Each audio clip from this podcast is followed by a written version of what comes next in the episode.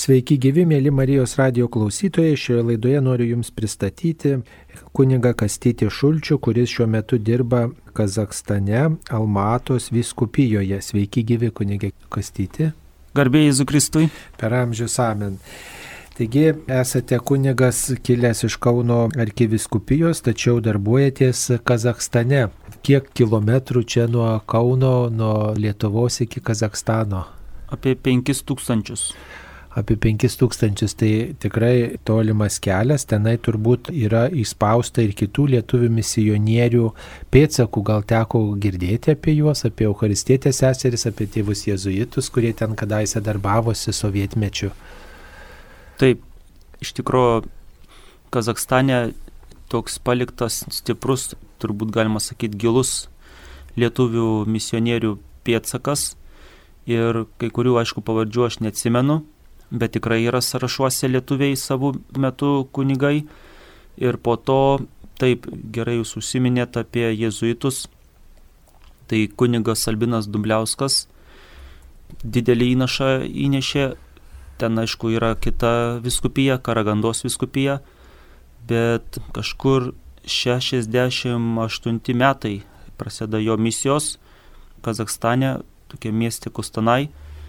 Ir ten jie su sesutėm, seselėm pradėjo ir kaip tik šiuo metu užbėgsiu į priekį, aš pradėjau užrašinėti jo amžininkės kunigo Albino Dumbliausko sesers Monikos, kuri jau liko Kazakstane, Karagandoje, tačiau jau yra užmiršus lietuvių kalbą. Taip pat yra amžiuje ir tik Dievas vienas žino, kiek dar jinai gyvens. Todėl nėra lengva, nes tūkstantis kilometrų nuo Almatos e, Karaganda, bet važiuojant į kitus renginius, aš taip suplanavau pakeliui, kad ar tai dieną anksčiau, ar tai dieną vėliau po renginių, kad susitikti su sese Monika. Ir e, iš jos lūpų pradėjau, jau turėjau du vizitus, du susitikimus, būtent užrašinėti šitą istoriją. Istoriją apie kunigo Albino Dumbliausko tokia gal prieš istoriją dar Lietuvoje, kaip jie susitiko su sesė Monika ir um, kaip buvo organizuojama ta išvyka misionierių. Tada saugumas KGB man tas truputį įstrigo. Aišku, dabar procese yra tie užrašai, kuriuos, manau, gal sudomins ir jėzuitus, ir Lietuvos bažnyčią kadangi jezuitas buvo Albinas Dumbliauskas. Ir pavyzdžiui, tokie faktai, kaip saugumas KGB viską darė, kad tik tai kuningas Albinas Dumbliauskas neišvažiuotų į misijas ir seselės. Ir buvo labai vairūs gazdinimai ir per vyskupą, iki tokių kaip suspendavimas, po to ar grasinimai galbūt seserims. Jisai jas, reiškia, Kulautuvoj ruošė tą grupelę ir taip pat vienolyje susilaukė tų grasinimų, kad jeigu jos išvažiuos į misijas arba toliau ruošis, tai bus ir tremtys, ir lageriai ir taip toliau, tai aš supratau, kaip saugumos tuo metu tarybinė Lietuvoje bijojo, kad kažkas išvažiuotų į misijas. Čia konkrečiai buvo kalba apie Kazakstaną. Taigi po to Albinas su sesutėmis iš Kostanai turėjo išvykti ir žinojo, kad yra tokia vieta Kazakstane Karaganda. Ir toks rajonas dabar vadinasi Maikuduk, bet netgi vadindavo tą rajoną kaip mažasis Berlynas. Ar tai Berlynu, nes ten buvo labai daug vokiečių, plus Karaganda susijusi su lageriais, taip vadinamų karlagų, ir buvę kaliniai, tame tarpe kunigai, jie važiuodavo plius minus į tą bendruomenę, nes ten buvo labai daug katalikų. Tokia katalikų koncentracija. Ir e, Albinas taip pat turbūt šitą situaciją žinodamas iš Kustanai išvyko į Karagandą. Ir va aš šitus visus momentus užrašinėjau. Kad tiesiog Monika, aišku, pasakoja rusų kalboj. Taigi ir po to jau prasitėsi misijos kunigo Albino ir sesučių iš Lietuvos Kargandoje. ir įvyksta toks stebuklas, kad tais laikais, kai Lietuvoje nebuvo įmanoma jokios naujos parapijos atidaryti arba naujos bažnyčios pastatyti, kuningas Albinas gavo iš Maskvos taip vadinamą leidimą, iš pradžių, man atrodo, įkurti parapiją, antroji lei tokį irgi stebuklas, kad tokie neįmanomi dalykai gavo leidimą bažnyčios statybai. Ir jau 1978 metais buvo pašventinta Švento Juozapo bažnyčia, kuriai vadovavo tom statybom kuningas Albinas Dumbliauskas, bet sesuo Monika labai nori, kad Lietuva sužinotų tokį truputį kitą dvasinį žvilgsnį, kad visą tam vadovavo dabar jau palaimintasis Jurgis Matulaitis, nes pas kunigą Albiną jau tada buvo fotografija, kai dar jis nebuvo paskelbtas palaimintuoju. Galbūt, nežinau, buvo Dievo tarnas Ir sesuo Monika sako, reikia, kad Lietuva sužinotų, kad visų šitų rūpinosi ar tiesiog, sako, Albinas tik tai buvo kaip statytojas, o visam tam stebuklą padarė palaimintasis Jurgis Matulaitis. Gal kunigas Albinas meldėsi, prašė užtarimo Taip. tuo metu Dievo tarno Jurgio Matulaičio. Taip, ir buvo iš vietinės valdžios toksai nuoroda, kad negalima statyti aukščiau negu kiti namai, kad neįsiskirtų pastatas bažnyčios, kad iš mokyklos langų mokiniai nematytų tos stogo bažnyčios. Dėl to buvo truputį įgilinta į, į žemę šiek tiek. Kai eini bažnyčią, tai žemyn reikia nulipti laiptais. Taip, ten viskas labai daug dalykų buvo atsiųsta iš Lietuvos ir vargonai ir visa kita. Ir iš tikrųjų, jeigu kas nors užeisite, atvažiuosite į svečius, į piligrimystę, Tai iš tikrųjų, kai eini tą bažnyčią Švento Juozapo, tai tikrai visas stilius yra lietuviškas, pasiunti kaip kažkurioje Lietuvos bažnyčioj. Ir yra nuotraukos, truputį video ir 78 metais pasirodė, kad toksai graikų katalikų kunigas Aleksandr Hyra, kad jisai yra vyskupas. Tai ten labai ekspromtų ar sesutės ar kas padarė mitrą iš parankinių medžiagų pastoralą ir iš tikrųjų buvo pašventinta bažnyčia ir jeigu pamatytumėt nuotraukas, tai irgi stebuklas, kiek adorančių, kaip viskas gražu, kaip viskas surikiuota, sugrupuota. Aišku, daugelis nežinojo, kad jisai jezuitas. Čia gal nebuvo taip saugu. Tai nes pavyzdžiui, Almatoje, kur aš darbuojuosi jau beveik 10 metų, 10 metų atgal aš atskridau į Almatą 2012 sausio 18. Tai Almatoje buvo seserys švenčiausios Jėzaus širdies, kurios dabar yra Aleksotė. Ir jų dvasingumas yra jezuitiškas ir atvažiavo misionierius. Aš atsiprašau tik tai, kad galiu suklysti pavardę.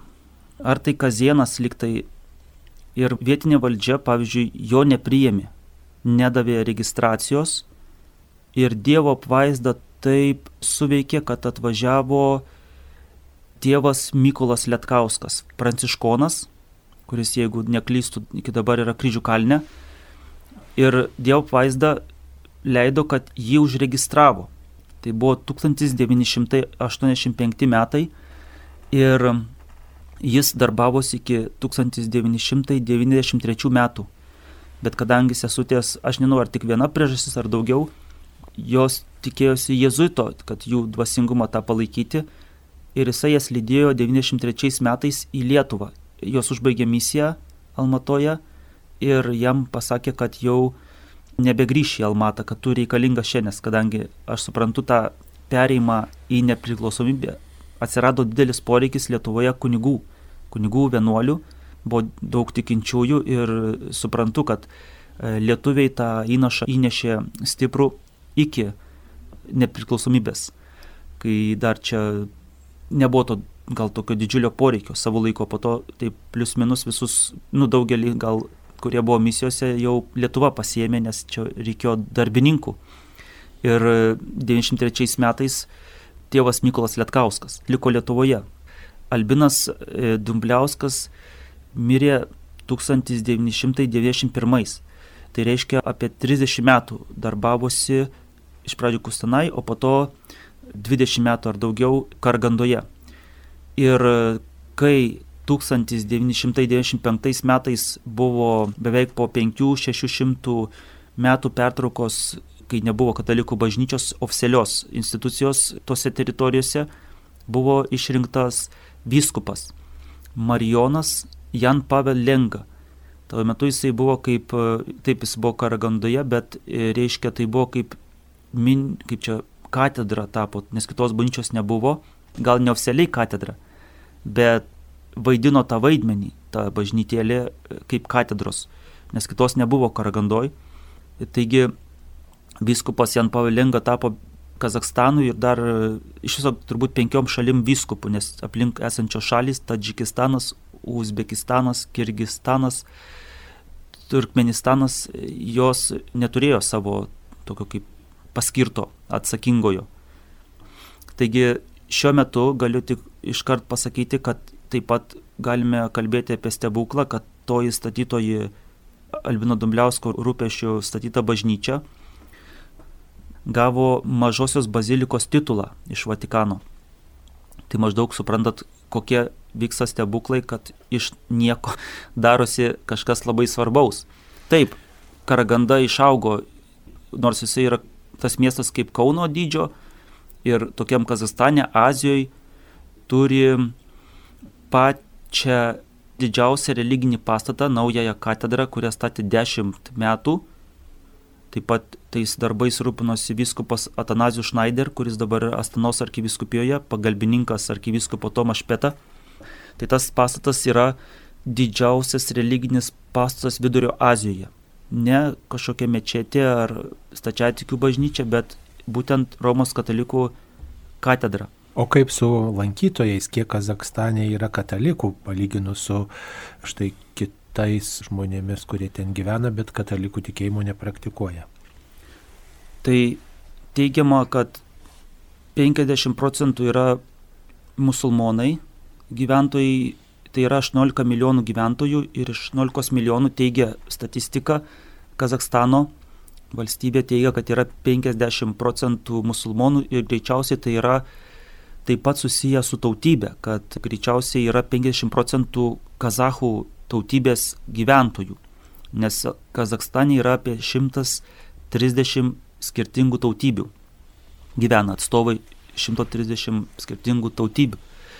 Po to eina antroji eiliai stačiatikiai, teigiama, kad apie 20 procentų, kadangi yra labai daug rusakalbių, rusų kilmės gyventojų, po to eina kalba apie 10 procentų protestantų. Ir likusieji, apart dabar pasakysiu apie katalikus, bet likusie greičiausiai yra procentai, čia gaunasi apie 20, yra ateistai.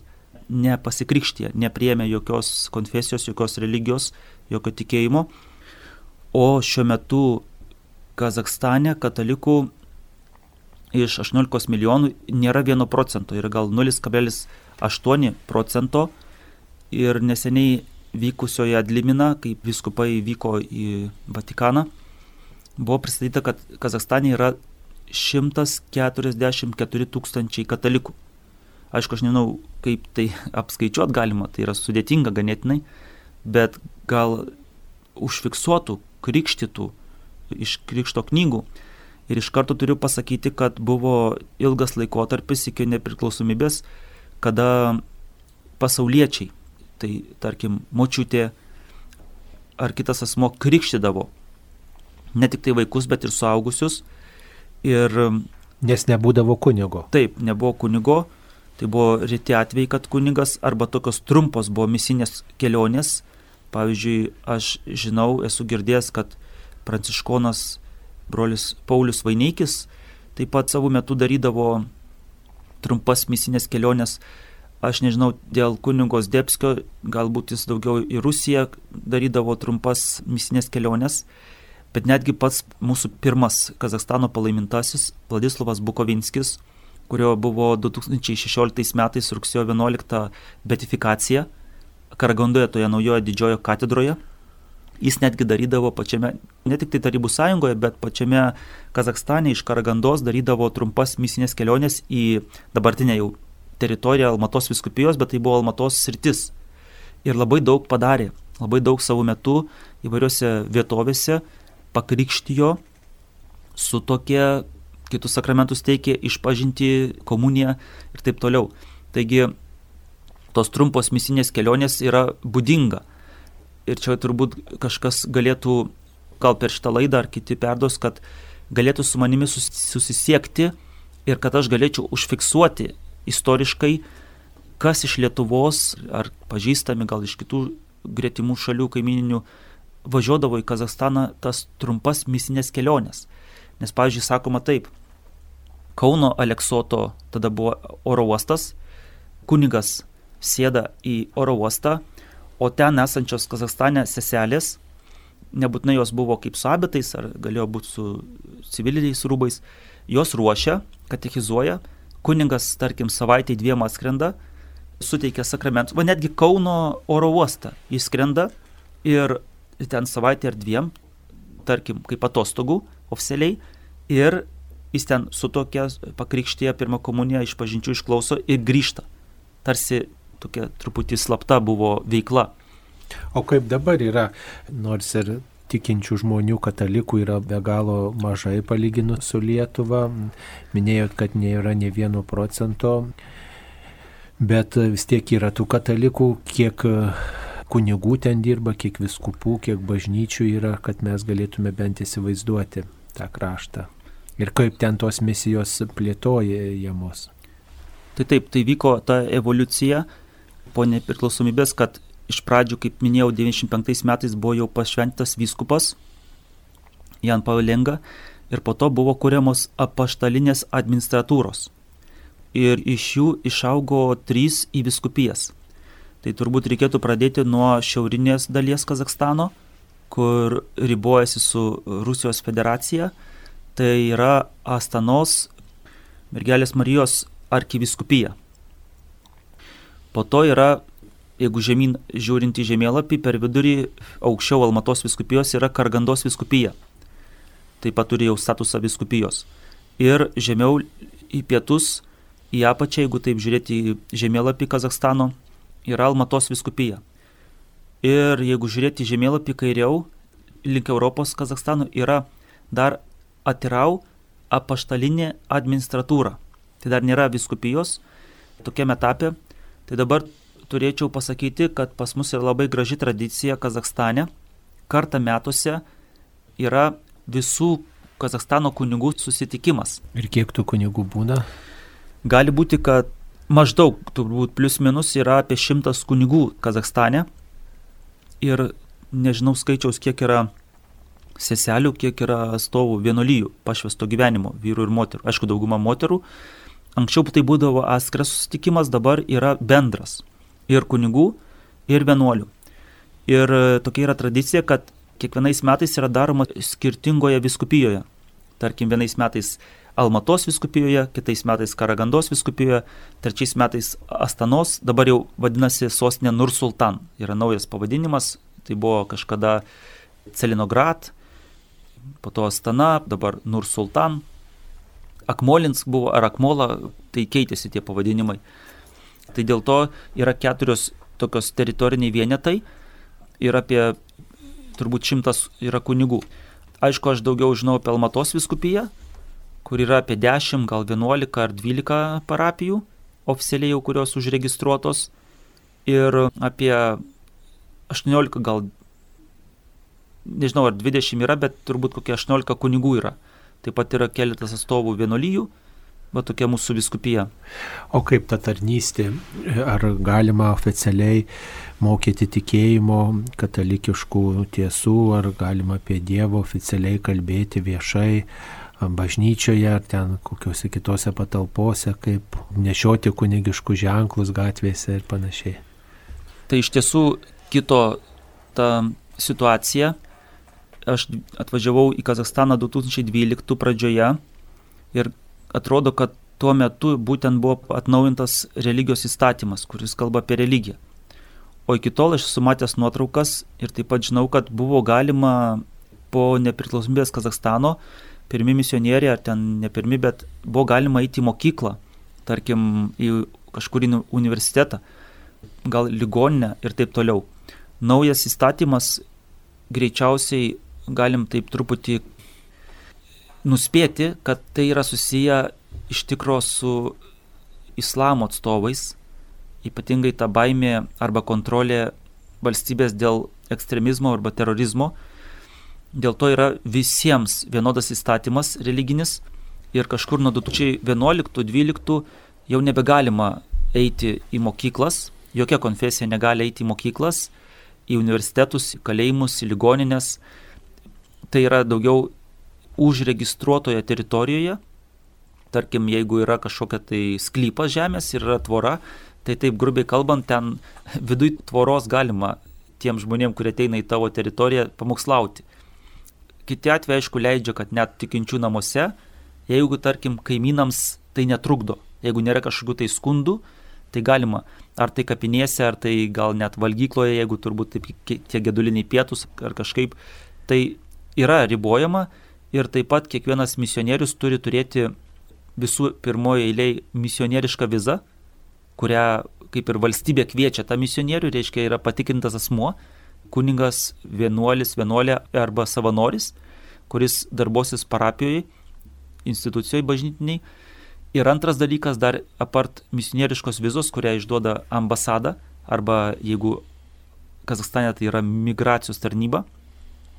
O antras dalykas, kad kiekvienas misionierius turi turėti leidimą misionieriškai veiklai, kurią taip pat atitinkamos institucijos išduoda jau patikrinę tą asmenį, jeigu pas yra viza, tai leidimas misionieriškai veiklai irgi taip pat apibrėžia tam tikrą teritoriją, kurioje tu gali oficialiai.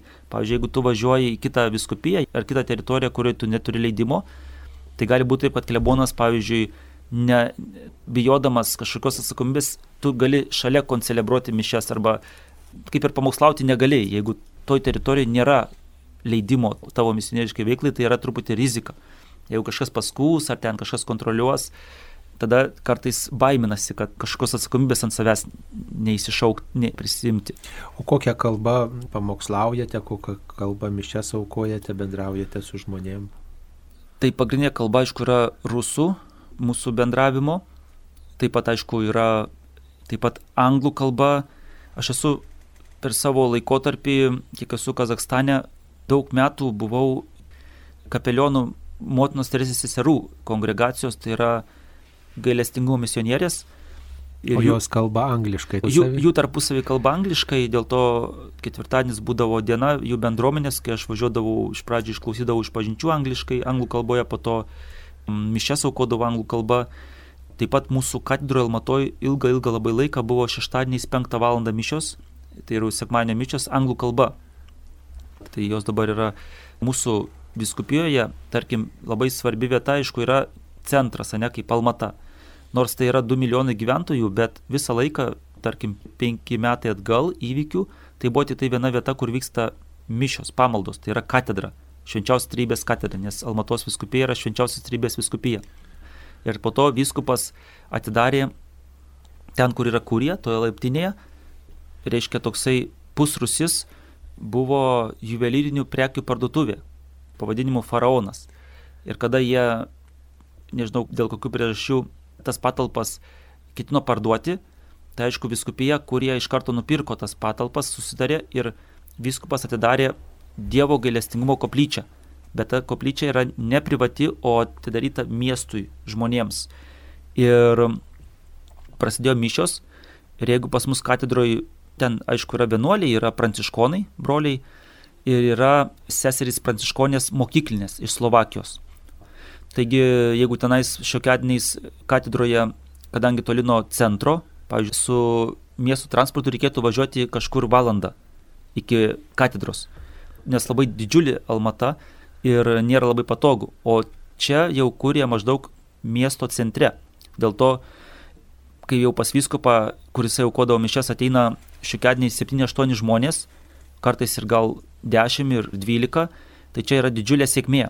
Nes pietus, kur aš tarnauju, yra visiškai kita situacija negu, pavyzdžiui, Karganda, Šiaurės Kazakstanas. Tai yra daugiau musulmonai, yra mažiau krikščionių apskritai, ne tik tai katalikų, bet apskritai krikščionių mažiau pietuose. O kiek sekmadienį dalyvauja mišiuose, pavyzdžiui, kurias jūs aukojate? Aš gal pasakyčiau pirmoji eilė katedra, kuri jau kaip centrinė vieta Almatos viskupijoje, tai tarkim 10.30 yra pagrindinės mišios. Tai man yra pasakoja, kad tenais ateina maždaug apie 30 tikinčiųjų. Gal per Velykas daugiau. Po to 1 val. 13 val. yra graikų katalikų apieigos ukrainiečių kalba 1 val. Ten būdavo apie 10 gal žmonių ateina. Sekmadieniais. Pas mus yra vienas kunigas, graikų katalikų kunigas, kuris neturi savo bažnyčios, dėl to yra 1 val. mišios katedroj, kur jie glaudžiasi, nes kol kas maža bendruomenė. Anksčiau visą laiką būdavo 15 val. mišios koriečių kalba. Tai tenais susirinkdavo apie 80 koriečių jie labai tokie pamaldus ir jie prieš mišęs ateina, gėda, ruošiasi, po mišių pas juos visą laiką yra agapė, kaip mes vadinam, tas, tas, tas bendravimas. Ir dar yra 18 val. mišios, tenais aišku jau nedaug žmonių. Taigi, nežinau, turbūt per sekmadienį gal 50, gal 60 žmonių katedrui, pagrindinėje bažnyčioje mūsų viskupijos ateina. Įvairių laiko. Taip. Mm. Tarkim, kas liečia mano parapijas, tai vėlgi reikia žiūrėti istoriškai, kaip tos bendruomenės kūrėsi, kas jas įkūrė ir kokie buvo etapai.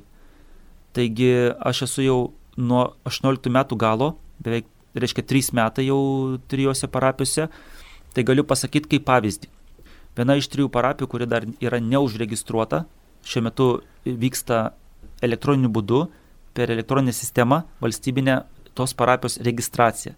Mes rugsėjo pradžioj padavėme visą tą dokumentų paketą, padavėm valstybėje, kad užregistruoti naują Romos religinę susivienimą ir po to eina pavadinimas Romos katalikų ir ten konkrečiai bus Švenčiausios mergelės Marijos karalienės parapija.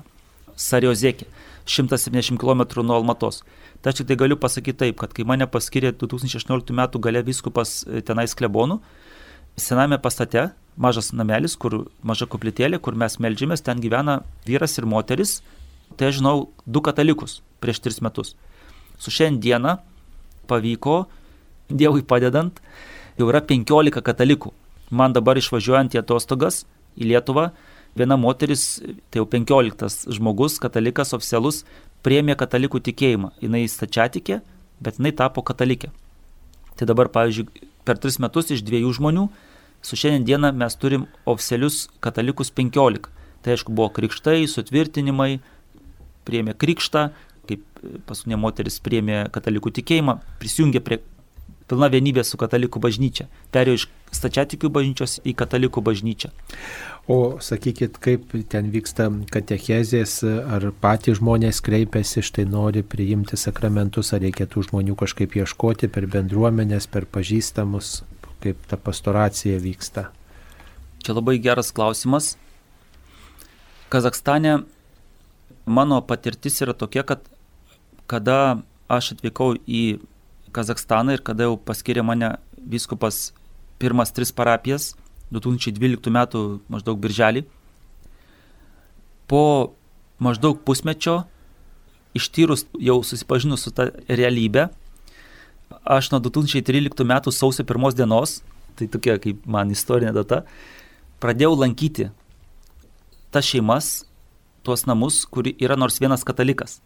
Nes charakterizuoti reikėtų mūsų parapiečius, kad visos šeimos yra mišrios. Retas atvejis, kad bus vyras ir žmona katalikai ir vaikai katalikai. Tai bus dažniausiai vienas iš stoktinių katalikas, kitas tačiatikis. O po to vaikai jau kaip papuolė. Ir aš stebėjau, kas liečia katechizaciją iki manęs, kol aš tapau klebonu, kaip maždaug elgesi kunigai iš kitų šalių.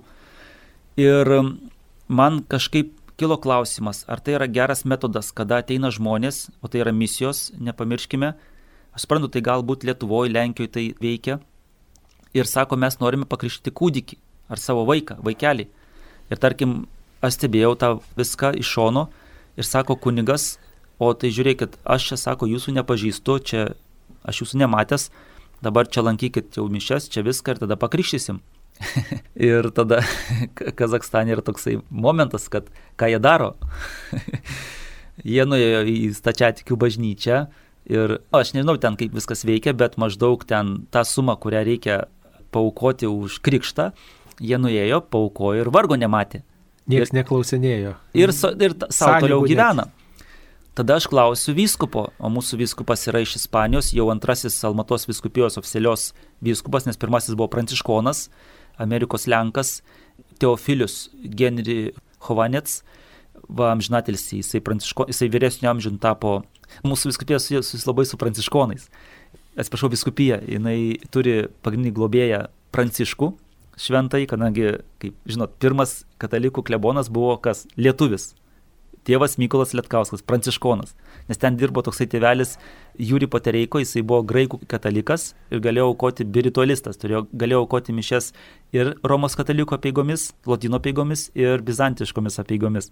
O pirmas jau Romos katalikų kunigas, kuris tapo klebonu Almatoje, tai buvo lietuvis ir pranciškonas.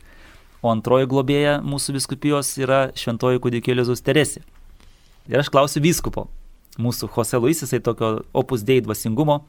Sakau, žiūrėkit taip ir taip, ar aš čia gerai mastau ar ne, kad čia mes misijose ir kažkaip reikėtų kitaip dėl tos katechizacijos susidar su tais tėveliais.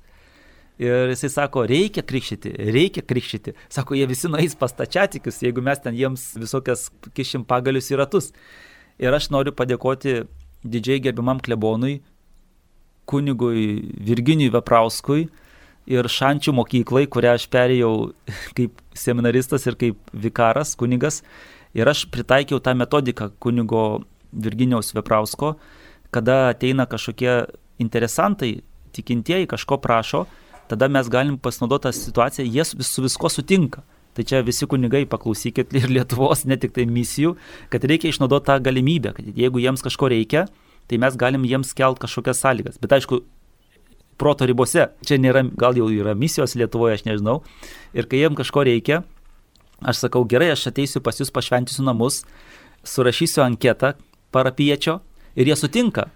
Ir tai mano yra katechezė, ką jūs klausit. Aš būdamas pas juos namuose, pildydamas anketą, kuri yra, kad ne apie orą mes kalbėtume, kad brangintume vieni kitų laiką ir kad būtų į temą, aš ir pradedu ten, kokius sakramentus jie turi, kad kur gimė, kur krikštyti, kas juos krikštijo, ir taip toliau, ir taip toliau. Ir po to prieinam jau prie vaikelio, kad kas bus krikšto tėvai, kas bus tėvai, kokios yra pareigos.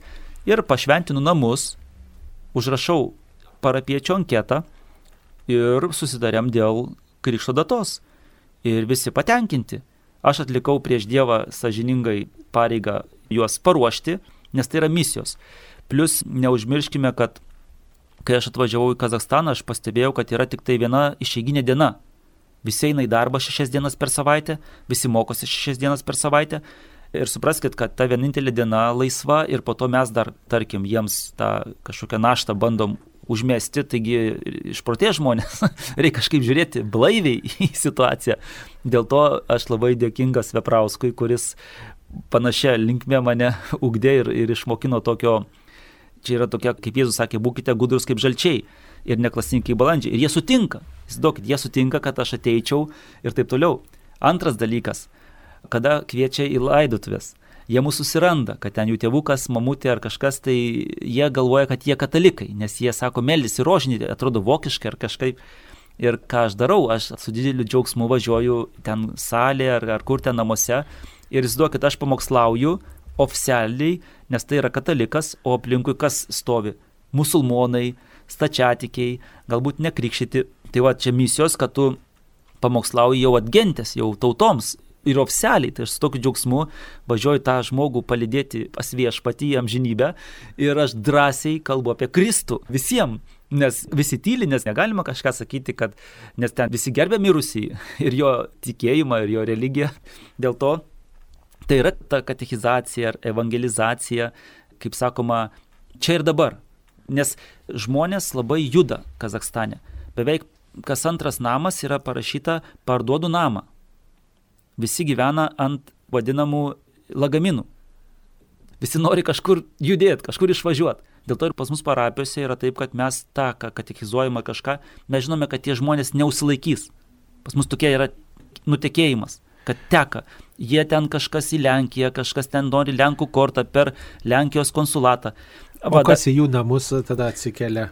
Dar pasakysiu, kad dėka tų anketų pirminė mano tokia buvo statistika. Man anketos padėjo suprasti, kas yra mano parapiečiai.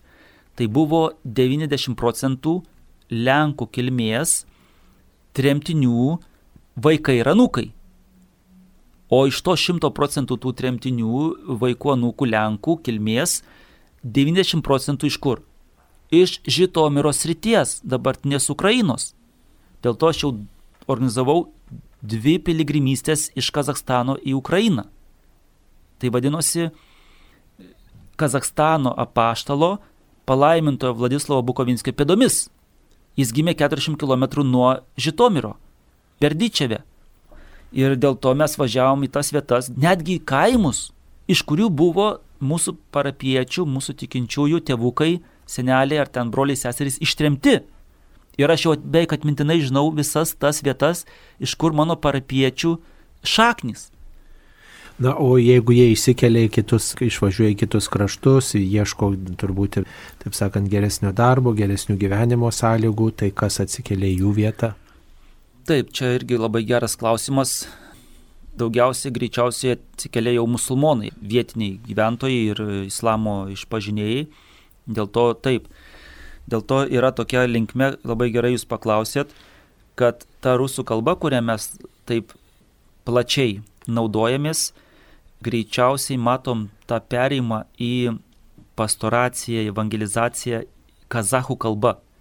Dėl to mūsų konkrečiai viskupijoje viskupas kartą per mėnesį aukoja mišes kazahų kalba Dievo galėsimo koplyčioje, o sostinėje Nursultane katedroje arkivyskupas Tomas Špeta, tarp kitko pasakysiu, jis yra tapęs piliečių Kazakstano, priėmė pilietybę, Kazakstano patriotas, arkivyskas metropolitas Tomas Špeta.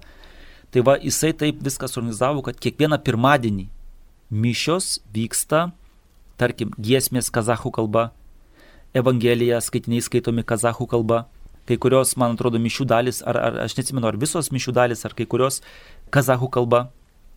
Tai nėra, aišku, oficialus mišiolas, kuris ten Vatikano patvirtintas, bet koreguojamas jo vertimas. Taigi matosi, kad mūsų, kaip aš paminėjau jums, Lenkai, po to dalis mūsų parapiečių vokiečiai, vokiečių kilmės, tai vėlgi tremtinių vaikai anūkai iš Pavolgio, iš Rusijos trėmė vokiečius. Vokiečiai labai yra išvažiavę. Vokiečiai katalikai ar ten liuteronys išvažiavę į Vokietiją. Ir dabar, reiškia, toksai procesas yra repatriacija. Aš nežinau, ar tai yra lietuviškas terminas ar ne, bet. Sugražinimas. Taip, Lenkai, Lenkų kilmės, jie grįžta į istorinę tėvynę, į Lenkiją. Ir mes šiandien iš tikro procentaliai, jeigu kalbant apie kiekybę, apie tos procentus, tai mes mažėjam dabar Kazakstane, nes mūsų katalikai, tikintieji, pakėlė sparnus. Mėly Marijos radio klausytojai, šioje laidoje bendravome su kunigu Kastyčiu Šulčiumi, kuris priklauso Kauno viskupijai, tačiau nuo 2012 metų kaip misionierius dirba Almatos viskupijoje Kazakstane. Tegul kunigo troškimas skelbti Kristų toli nuo Lietuvos taip pat duoda vaisių. Pokalbio tęsinio klausysimės kitoje laidoje Radijas eina į svečius. Kviečiame likti su Marijos radiju.